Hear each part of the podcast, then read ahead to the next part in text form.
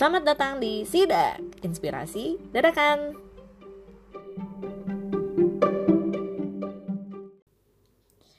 Hai teman-teman, kembali lagi di Inspirasi Dadakan episode 10. Dan kali ini aku tidak ditemani oleh background song aku. aku hanya memakai ucapan seperti ini karena takut nanti inspirasinya keburu hilang ya. Jadi ini sekarang aku lagi pegang buku dan tadi aku habis lihat beberapa video YouTube dan baca artikel juga. Dan entah kenapa pikiran aku jadi ke mana-mana nih dalam tanda kutip. Ke mana-mana ini maksud aku itu kayak melayang ke beberapa tahun yang lalu kayak ada kayak self uh, reflection gitu kayak hmm, ternyata journey aku itu uh, cukup lama ya gitu. Dipikir-pikir memang kan aku udah 27 tahun hidup di dunia ini ya. Nggak tiba-tiba kemarin lahir terus sekarang kerja gitu kan. Nggak gitu kan. Tapi aku mengalami fase-fase dalam hidup gitu. Kebanyakan dari kita kan melihat fasenya itu uh, in a big picture ya kayak kita mengalami masa balita kemudian masa anak kecil beralih ke remaja kemudian young adult young adult ya maksudnya uh, orang dewasa yang masih muda kemudian dewasa um, the real adult kemudian nantinya kita akan menjadi kakek nenek gitu kan. Nah di sini aku sebenarnya mau mengingatkan teman-teman gitu bahwa sebenarnya kalau kita tilik lagi secara lebih spesifik, lebih mendetail, apa aja sih yang pernah teman-teman achieve di dunia ini, itu sebenarnya banyak sih, aku yakin gitu. Even kalian yang merasa kayak ah enggak kok, ternyata ah, maksudnya ah enggak kok orang gue gini-gini aja orang aku gini-gini aja kayaknya nggak ada achievement gimana-gimana gitu kan. But uh, trust me kalian coba pikir lagi kayak nggak usah terlalu berat gitu mikirnya cukup kayak ya santai aja gitu kayak sedikit flashback aja gitu. So far apa aja sih achievement yang kalian dapatkan gitu achievement ini not necessarily kayak misalnya memenangkan olimpiade terus atau memenangkan medali emas gitu. Mungkin itu cukup uh, segmented ya kayak hmm, orang-orang tertentu aja yang bisa melakukannya. I suggest uh, kalian untuk uh, kayak berpikirnya tuh hal-hal yang cukup simple gitu. Kayak misalnya contohnya kalau aku ya ini aku sebagai contoh aja buat kalian sebagai contoh aja kayak aku tuh tadi baru ingat gitu. Pas aku mikir kayak oh iya ya gitu. Menilik CV aku gitu ternyata aku dulu pernah masuk di SMP sama SMA yang tergolong bagus nih di kota aku gitu. Bagus itu maksudnya unggulan ya SMA yang favorit gitu. Dan aku jadi ingat pada masa itu tuh kayak sebuah kebanggaan gitu kalau aku masuk ke SMA dan SMP itu gitu. Dan di umur aku yang udah seperempat abad ini tuh kayak aku tuh lupa gitu kayak kayak it's not an important things anymore gitu for me gitu kayak ya udah sih sekarang udah kerja udah hidup sendiri kayak kayak gitu kan. Tapi when I'm looking back gitu kayak wah it's quite an achievement for me gitu kayak iya ya aku dulu pernah masuk SMP ini kemudian SMA itu gitu. Dan itu ternyata SMP dan SMA unggulan loh di kota aku gitu nggak semuanya bisa masuk gitu jadi I, I I would like to consider it as our filter filter ya. Jadi kayak hmm, kita tuh pastinya dihidupkan tadi yang aku bilang ada fasenya dan kemudian kita itu pasti berevolusi menjadi manusia yang lebih baik itu.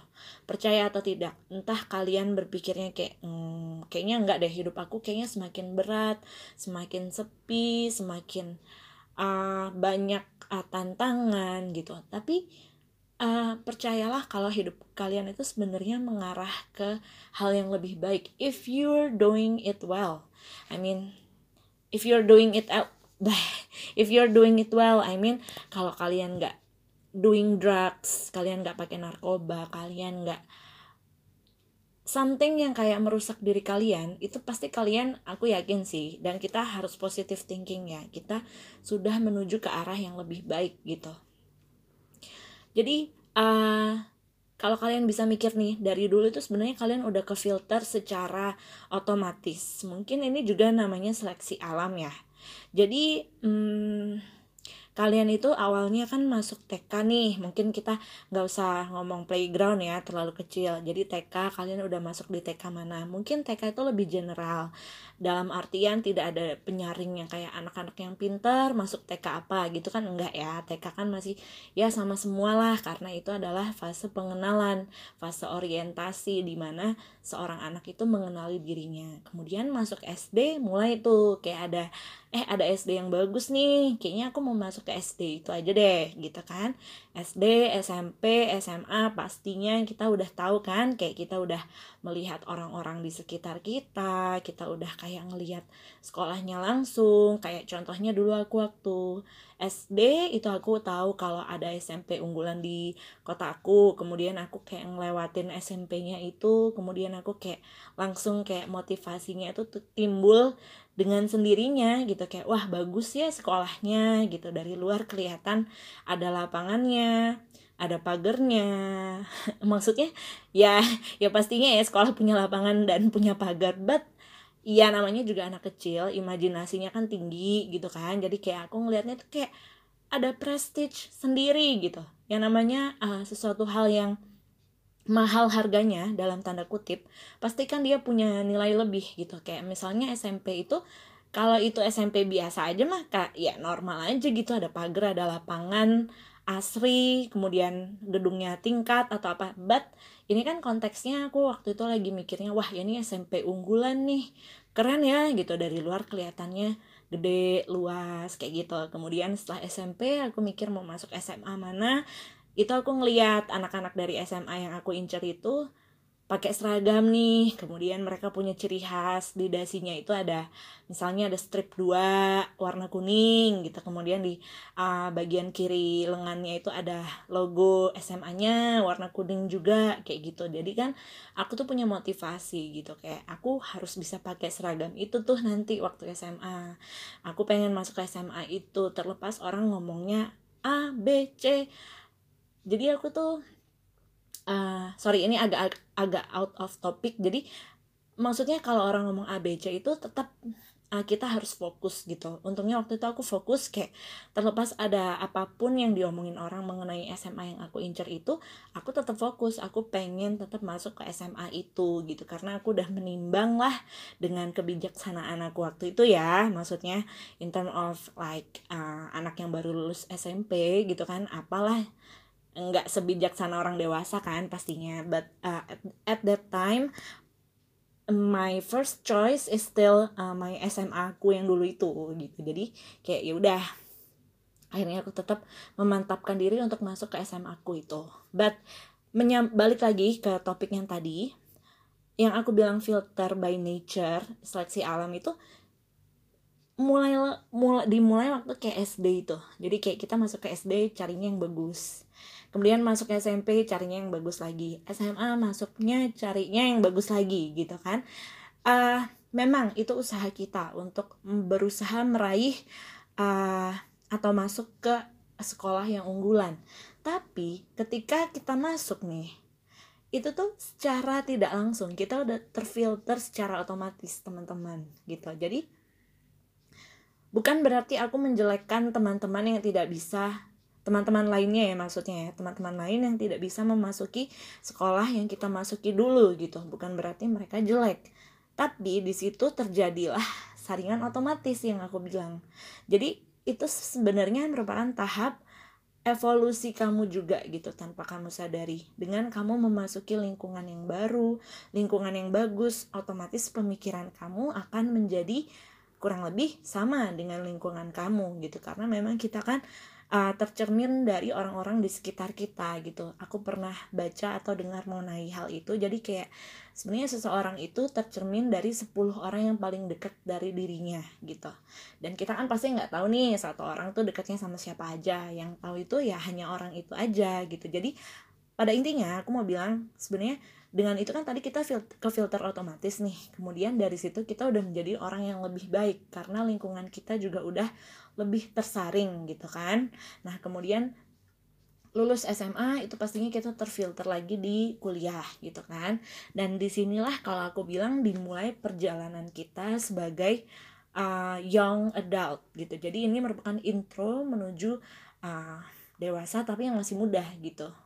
Jadi uh, di situ teman-teman pasti udah punya pemikiran aku mau kuliah di mana aku mau ambil jurusan apa. Kemudian uh, baik dan buruknya kalian sudah punya pertimbangan masing-masing. Kalau aku kuliah jauh uh, dari kota aku nanti aku akan meninggalkan keluarga contohnya.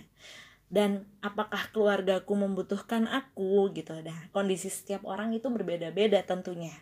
Ada keluarga yang sangat mensupport uh, uh, anaknya untuk kayak belajar jauh gitu. Kayak mungkin uh, kalau kata istilah kan kejar kejarlah ilmu hingga ke negeri Cina gitu kan. Jadi memang ada keluarga dengan uh, ya academic motivation yang tinggi gitu. Jadi dia mengirim anaknya untuk belajar sejauh mungkin setinggi mungkin gitu kan. Jadi it's not a problem when you walk away from home and then studying far far away from home gitu kan.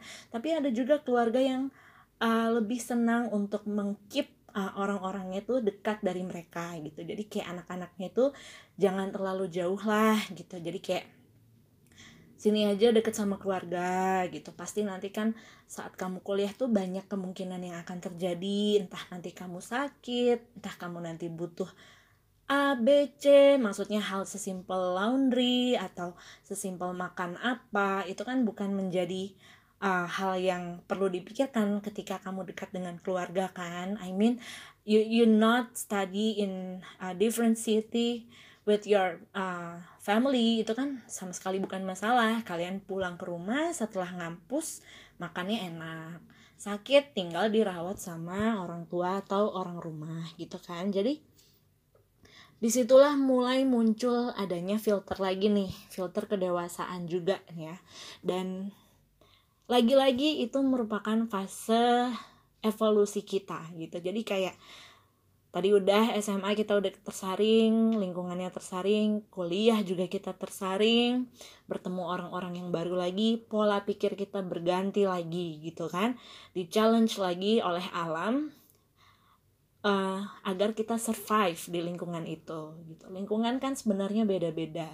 Kalau semua lingkungannya pintar masa kita mau tetap jadi orang bodoh sih? Nggak mungkin dong. Kita harus keep up with our friends gitu kan? Kita harus belajar lebih giat. Atau ya belajar bareng apa pun lah usahamu. Tapi kalau kamu menyerah di tengahnya ya udah gitu. And it's very easy to give up gitu kan? Semua orang tuh bisa menyerah gitu. Dan sangat gimana ya kalau ada orang yang berjuang itu sangat amat perlu diberi aplaus gitu menurut aku. Karena semangat juang itu sebenarnya ada dalam diri setiap orang tapi sayangnya nggak nggak semua orang memanfaatkan semangat juang itu gitu. Jadi di sini aku juga mau menghargai teman-teman sekalian yang mungkin dulunya mengalami perjuangan yang aku nggak tahu perjuangan kalian tuh apa but ya yeah, it's ya yeah, uh, keren banget kalian gitu. Kalian sendiri yang tahu apa pencapaian kalian sejauh ini dan aku pun tahu apa pencapaian yang udah aku uh, raih selama ini. Dan ya yeah, here I would like to take a moment for us to appreciate that achievement.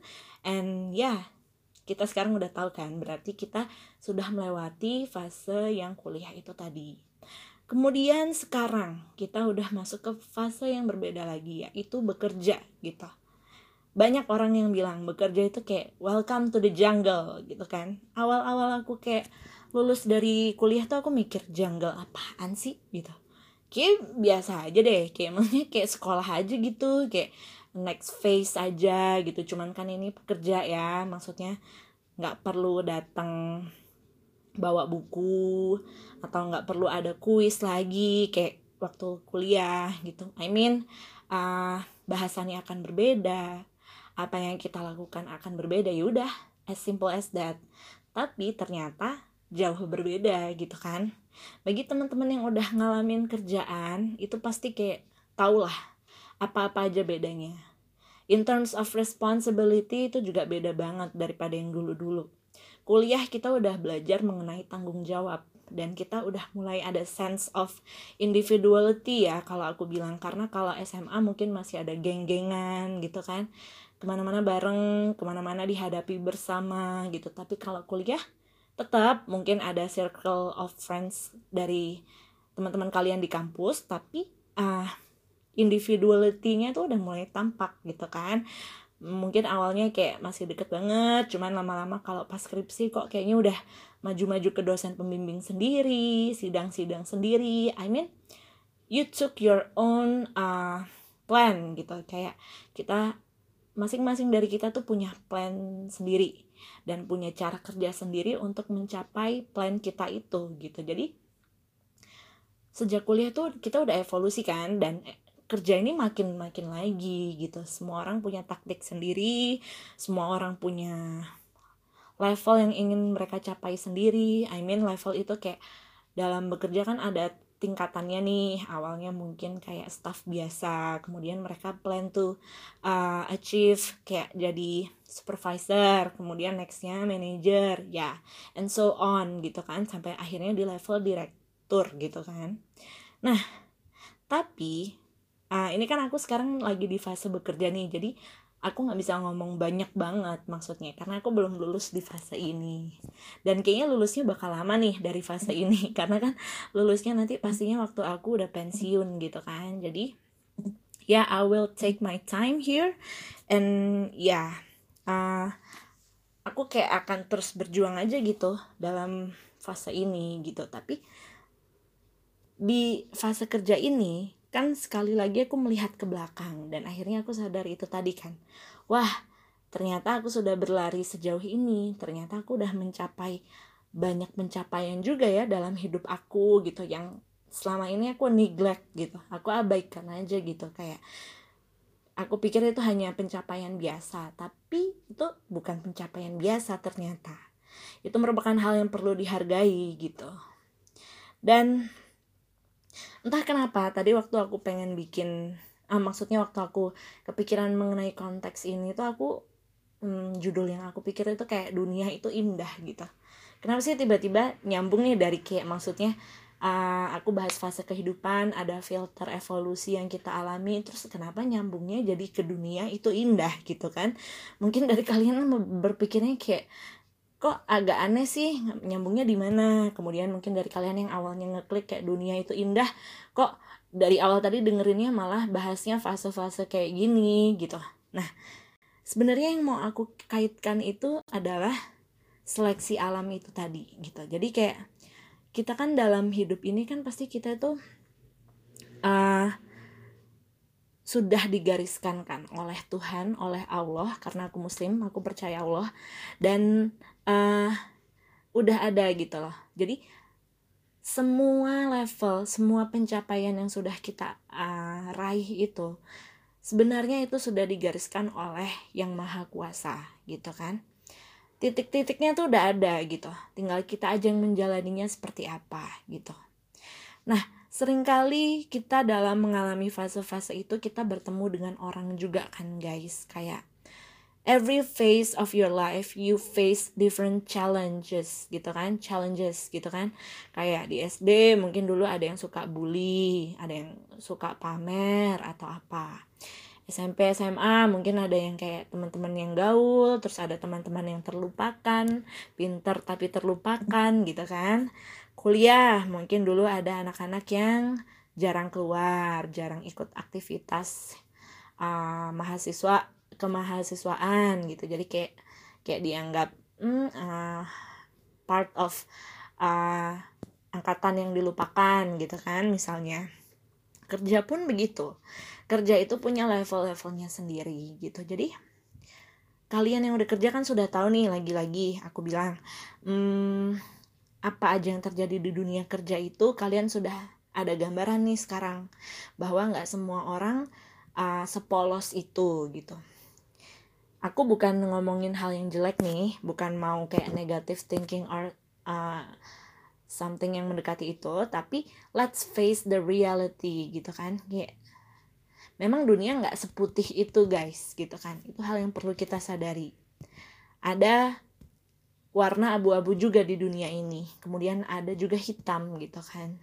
I mean nyambung ke yang evolusi tadi tidak semua orang mengalami evolusi yang sama dengan kita dan I would like to remind you that di dunia ini tuh ada berapa miliar orang sih gitu. Even mungkin nggak miliar ya, nggak miliar ya, triliun kali ya, triliun atau mungkin nggak tahu di atasnya triliun ada berapa. Aku nggak pernah googling sih sebenarnya berapa jumlah orang atau manusia di dunia ini.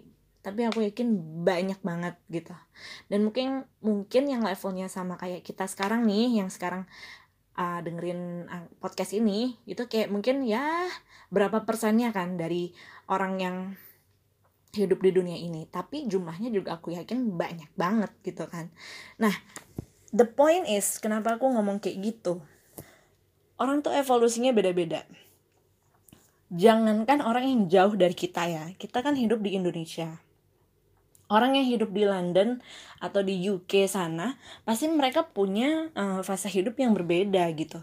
Di sana kan nggak ada yang kayak namanya hmm, apa sih kuliah harus eh sorry sorry sekolah mungkin stepnya juga beda-beda gitu. I, I don't know sedetail apa cuman kan kalau kita kan kayak SD 6 tahun gitu kan, SMP 3 tahun, SMA 3 tahun, kuliah kurang lebih 4 tahun. Nah, mungkin di sana cara mainnya beda. Jadi menciptakan insan, c insan. Uh, manusia yang berbeda juga gitu, lulusan yang berbeda dengan ada dengan yang ada di Indonesia gitu. Jadi di dunia kerja itu kalian akan bertemu dengan banyak banget. Ini aku uh, akan fokus bahas yang di fase kerjaan ya. Di dunia kerja kalian akan bertemu dengan orang dari background yang super beragam gitu kan. Tiba-tiba ada bule gitu di tempat kalian atau tiba-tiba ada let's say anak daerah, kemudian ada ibu-ibu yang udah tua gitu. Maksudnya ini aku random aja, cuman maksudnya aku cuman mau kasih gambaran gitu.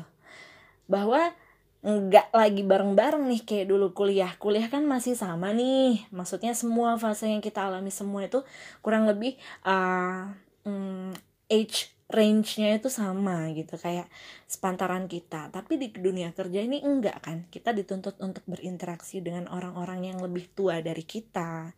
Ada juga yang lebih muda dari kita walaupun nggak banyak ya karena kita masih tergolong yang cukup muda kan di dunia kerja sekarang. Cuman yaitu dia. That's the challenge gitu. Dan saat kamu bertemu dengan orang-orang yang kayak gitu di situlah uh, evolusimu tadi itu hasil evolusimu tadi itu di challenge lagi gitu. How do you face them? How do you interact with them? Gitu kayak ada challenge-nya lagi nih gitu. Dan nyambung lagi kenapa dunia itu indah. Sebenarnya aku tuh juga mau remind gitu. Kaitannya dengan dunia itu indah itu sebenarnya aku kayak mau bilang gitu ke teman-teman bahwa challenge tadi nih hasil evolusi kita yang perlu kita keluarkan itu itu tuh kita sampaikannya dalam bentuk seni gitu. Bukan seni melukis ya atau seni vokal atau apa. Ini tuh seni berinteraksi gitu loh. Jadi kayak ada social skill juga di situ gitu. Jadi kita sampaikan value-value yang kita punya itu untuk menghadapi orang-orang yang baru itu gitu. Dan di situlah seninya di situlah indahnya gitu kan. Jadi uh, aku pernah bilang di podcast sebelumnya bahwa moto yang aku suka itu aku dari salah satu penyanyi cilik yang aku dengerin dulu namanya Sherina. Dia punya moto lihat segalanya lebih dekat dan kau akan mengerti. Dan aku kayak suka banget dengan moto itu. Uh, sekali lagi aku bilang nih di sini karena menurut aku itu bener banget gitu kayak can't agree more gitu kayak ya satu-satunya cara untuk mengenal seseorang lebih baik adalah melihatnya dengan lebih dekat gitu. Kayak every person has to be gimana ya kayak mereka punya style mereka sendiri. Dan cara mendekati tiap orang itu juga berbeda-beda gitu. Kita nggak bisa pukul rata gitu dengan semuanya gitu kalau misalnya aku menggambarkan lingkungan kerja aku yang sekarang nih kan aku ada juga orang ekspatnya ya. Ada bule ada anak-anak yang masih muda ada anak-anak lulusan luar negeri ada anak-anak lulusan lokal kayak aku gitu. Nah uh, hal yang aku alami di kantor juga berbeda-beda nih tiap hari. Dan aku melihat juga apa hal-hal yang terjadi gitu. Kayak misalnya untuk anak-anak lulusan luar negeri nih mereka ada yang ngomong pakai bahasa Inggris gitu. It's okay itu sama sama sekali bukan menjadi masalah. Tapi itu kan hal yang terjadi nih. Jadi kan aku kan mengalaminya gitu. Tapi kan aku have nothing I mean have I don't have any issue about that gitu kan. Nah tapi aku tuh berpikir oke okay, nggak apa-apa orang ngomong bahasa Inggris. Aku pun suka dengan bahasa Inggris suka banget. Ini adalah subjek yang aku sukai dari SD ya kayaknya ya. Kalau ditanya apa mata pelajaran favoritmu kayaknya aku bakalan jawab bahasa Inggris gitu. Nggak tahu kenapa dari dulu tuh aku kayak demen demen banget gitu sama bahasa Inggris. Karena ya mungkin itu aku anggap sebagai survival skill juga ya di dunia ini. Karena kan bahasa Inggris itu kan uh, universal language ya. But anyway uh, aku mau bilang kayak contohnya teman-teman aku yang speak English itu hmm, kalau aku menjadi mereka aku akan juga menakar gitu. Kapan aku akan ngomong bahasa Inggris gitu. I mean ada generasi ini FYI ya, ada generasi di atasnya milenial yang mungkin mereka tidak sependapat dengan kita. Kalau di milenial, kalau di milenial itu bagiku it's very common to speak English gitu. Banyak juga bapak ibu uh, yang dari generasi milenial ini ngajarin anak-anaknya untuk uh, ngomong bahasa Inggris, bener nggak? Kayak full English gitu kayak ya yeah, uh, I I want to play it mama gitu-gitu kan kayak kalau kamu lagi di pesawat atau kamu lagi di mall gitu I bet you you have listened to that kind of conversation gitu kan. Kayak ada anak-anak kecil yang ngomong bahasa Inggris full ke orang tuanya gitu kan. Karena udah dididik seperti itu. Walaupun kalau kamu lihat eh, nggak uh, semuanya itu kayak orang eh, orang-orang yang blaster atau apa bahkan yang bener-bener bapak ibunya tampangnya lokal punya nih itu kayak beneran ngajarin anaknya ngomong bahasa Inggris juga gitu. Jadi my point ya itu tadi di generasi milenial ngomong bahasa Inggris tuh biasa aja. Tapi when you interact with other uh, generations uh, ini yang aku alami ya. Most of them itu masih kayak agak skeptis gitu kayak ngapain sih ngomong bahasa Inggris gitu. Kita kan tinggal di Indonesia nih kita kan interaksi dengan orang-orang Indonesia. It's not necessary to speak English gitu kan. Nah itu dia. Jadi my point is maksudnya kak aku cuman kayak memposisikan diri sebagai teman-temanku yang ngomong bahasa Inggris itu ya. Pasti mereka juga punya pemikiran sendiri. But if if I'm on their shoes gitu kalau aku berasa di kalau aku berada di posisi mereka pasti aku akan adjust kapan aku beneran ngomong bahasa Inggris tapi kapan juga aku kayak kembali ngomong bahasa Indonesia gitu. Jadi nggak bisa dipukul rata. Kemudian style kita dari ngomong juga kita tahu kalau sama teman-teman yang sepantaran kan lebih kayak blak-blakan mungkin atau kayak ya udahlah kasar dikit atau gimana gitu. But if you speak with older people nah kita nggak boleh ngelupain value-nya juga. Kita harus lebih sopan. Ada hal-hal yang harus kita rem gitu kan. But yeah it's common knowledge. I aku nggak perlu jelasin lebih jauh lagi. Tapi ya di situlah intinya. Tapi aku mau ingetin juga nih zaman kan sekarang berubah nih. Mungkin norma-norma yang tadi aku sebutin yang dulu kita pegang dengan teguh itu sekarang udah mulai bergeser gitu. Di mana kan ada posisi-posisi yang sebenarnya itu hanya bisa ditempati oleh orang-orang yang lebih tua dari kita. Tapi karena kita mem memiliki skill yang mumpuni akhirnya generasi milenial kita juga ada tuh yang menempati posisi-posisi yang udah tinggi nih dalam suatu perusahaan. Jadi mungkin di situ ada sedikit bias nih. Jadi uh, ada anak-anak muda tapi posisinya udah tinggi, jadi mereka juga ngomongnya jadi kayak selevel dengan orang-orang yang lebih tua. Nah, itu juga jangan kita lupakan gitu. Dan lagi-lagi menyambung ke poin dunia itu indah. Uh, aku kan tadi bilang uh, moto favoritku itu kan. Jadi coba deh kalian praktekin. Aku tahu kalian punya moto sendiri juga di dalam hidup yang kalian pegang teguh tapi nggak ada salahnya. Kalian coba praktekin yang aku bilang tadi. Jadi kayak cobalah melihat lebih dekat orang orang-orang di sekitar kalian gitu. Kalian pasti punya challenge, kalian pasti punya masalah dengan teman-teman terdekat kalian. But ya, yeah, udah digariskan gitu kalau kalian harus bertemu dengan mereka gitu. Kan pasti di dalam hidup kamu itu sama Tuhan itu udah digarisin kamu akan bertemu si A, si B, si C gitu kan. Nah, ada quote bagus juga nih. Sorry nih ya, aku kalau dari tadi jelasinnya tuh kayak zigzag gitu. ke sini, ke sini, ke sini gitu. Berarti ya, ya namanya inspirasi dadakan. Jadi kayak aku kayak ya udah asal ngomong aja gitu. Yang ada di pikiranku nih aku tumpahkan ke sini semua.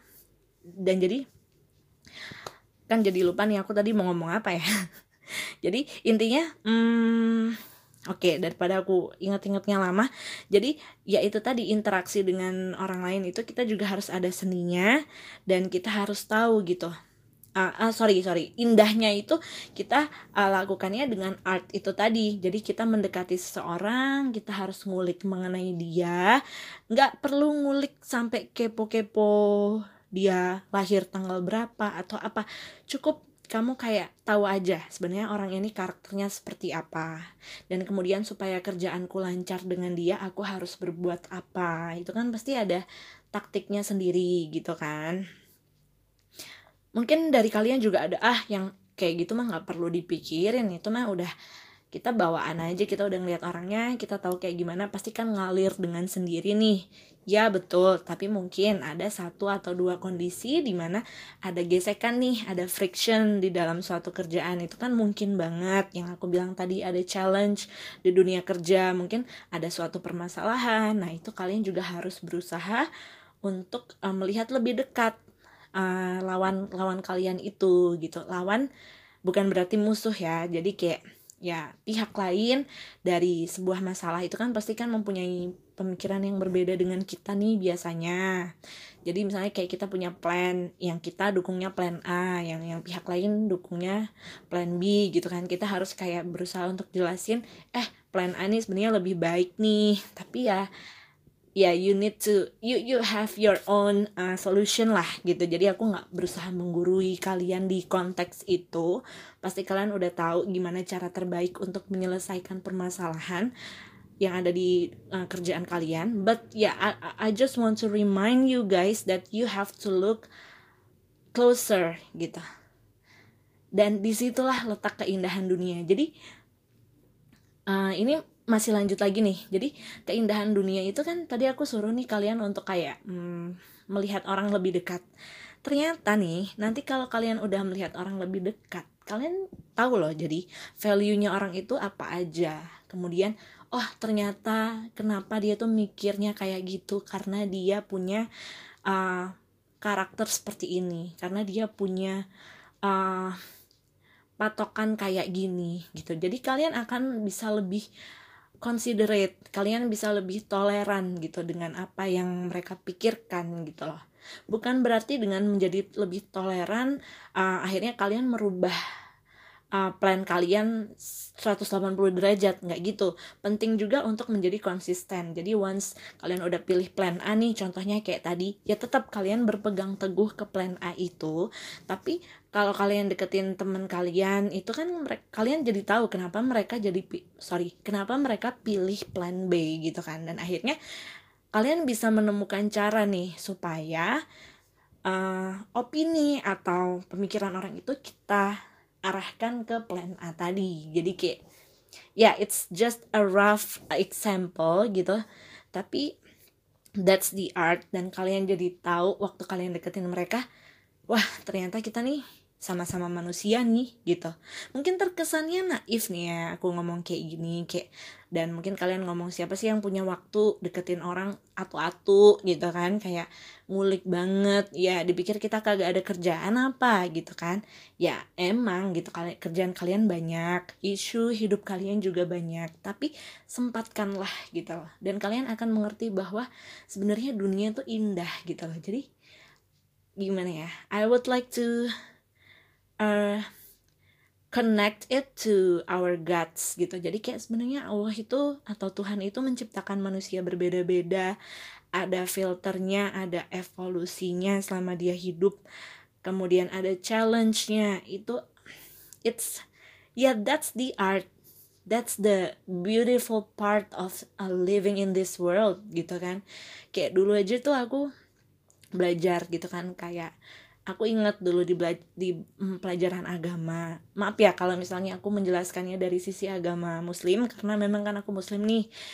Ya just FYI buat kalian yang non muslim nih. Tapi kan dulu tuh ada kayak malaikat itu sempat bertanya kepada Allah gitu kayak Allah kenapa kamu menciptakan manusia? gitu. Padahal manusia ini nantinya akan menjadi agen perusak di bu muka bumi ini gitu kan. Nah waktu aku denger itu dulu waktu aku belajar mengenai hal itu tuh I have no idea. Kayak apaan sih? Emang kita ngerusak apaan sih perasaan manusia gini-gini aja dah gitu kan. Nah seiring aku tumbuh dewasa cie kan aku jadi tahu nih oh ternyata ada perang nih. Ada perang dunia gitu kan perang dunia satu perang dunia dua. Ada penjajahan dulu kita Indonesia dijajah oleh Belanda. Kemudian ada many things many other things yang terjadi di dunia ini dan ya yeah, it's totally true gitu. Emang kita tuh merusak dunia ini gitu loh guys. Merusak itu banyak kan artinya nggak nggak nggak literally kayak ya udah dibuat busuk aja nih dunia. Kayak maksudnya di ya potong aja pohon-pohonnya. Nggak necessarily itu gitu tapi kan konteksnya tuh luas gitu loh. Merusak moral manusia sesama manusia atau kayak doing bad to others gitu kan kayak membunuh orang.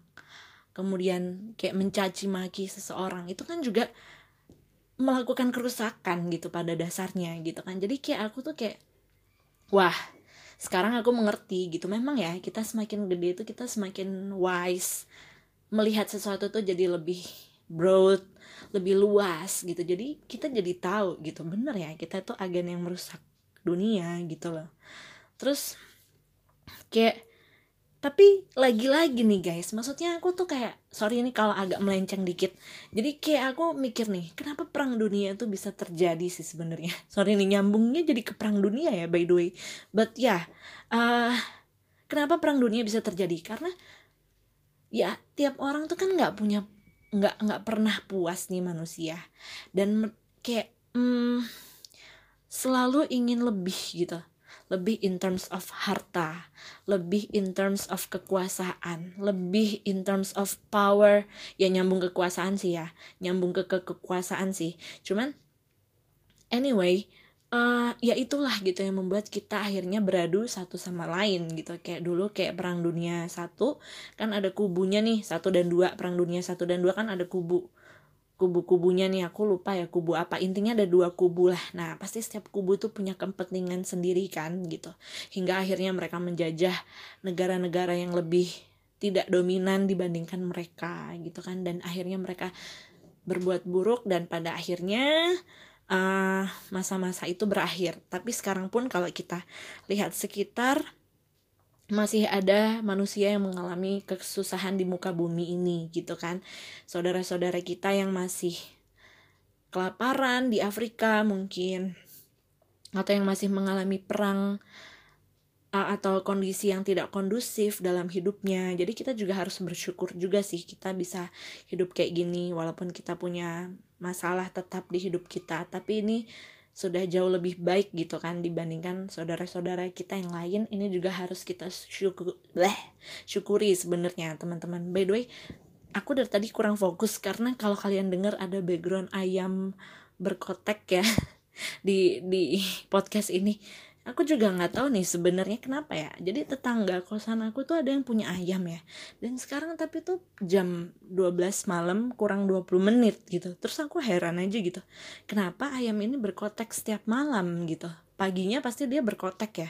Tapi eh, kenapa malam-malam berkotek gitu? Siapa yang mau dibangunin coba kan but yeah anyway it's intermezzo.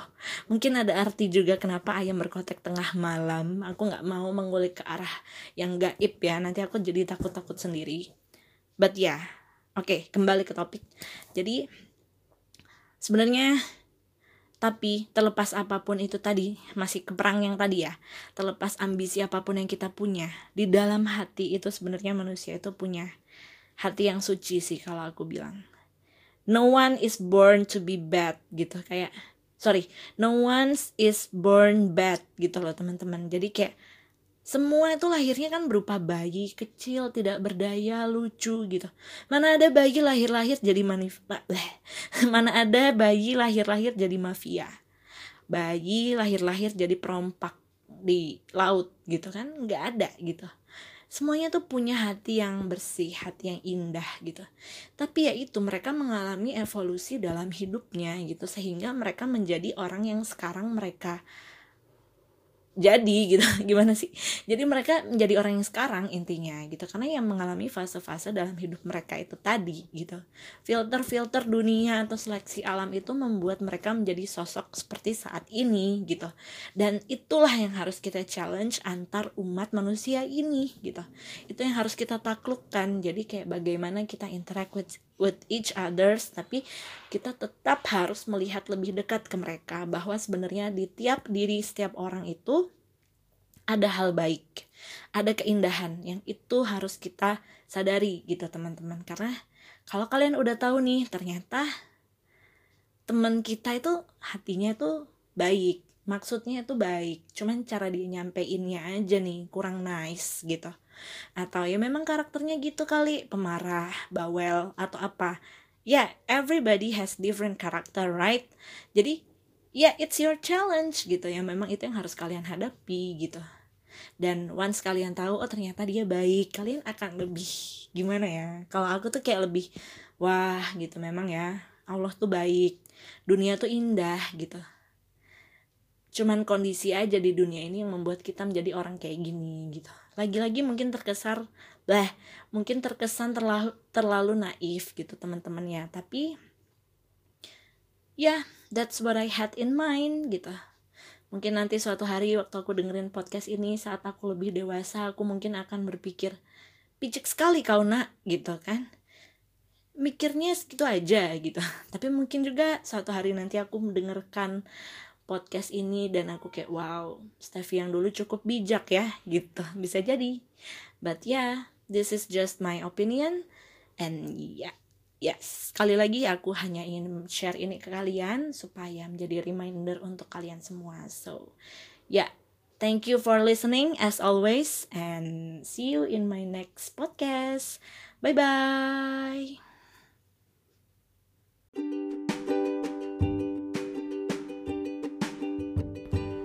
Terima kasih sudah mendengarkan inspirasi dadakan. Cek episode yang lainnya ya. Thanks.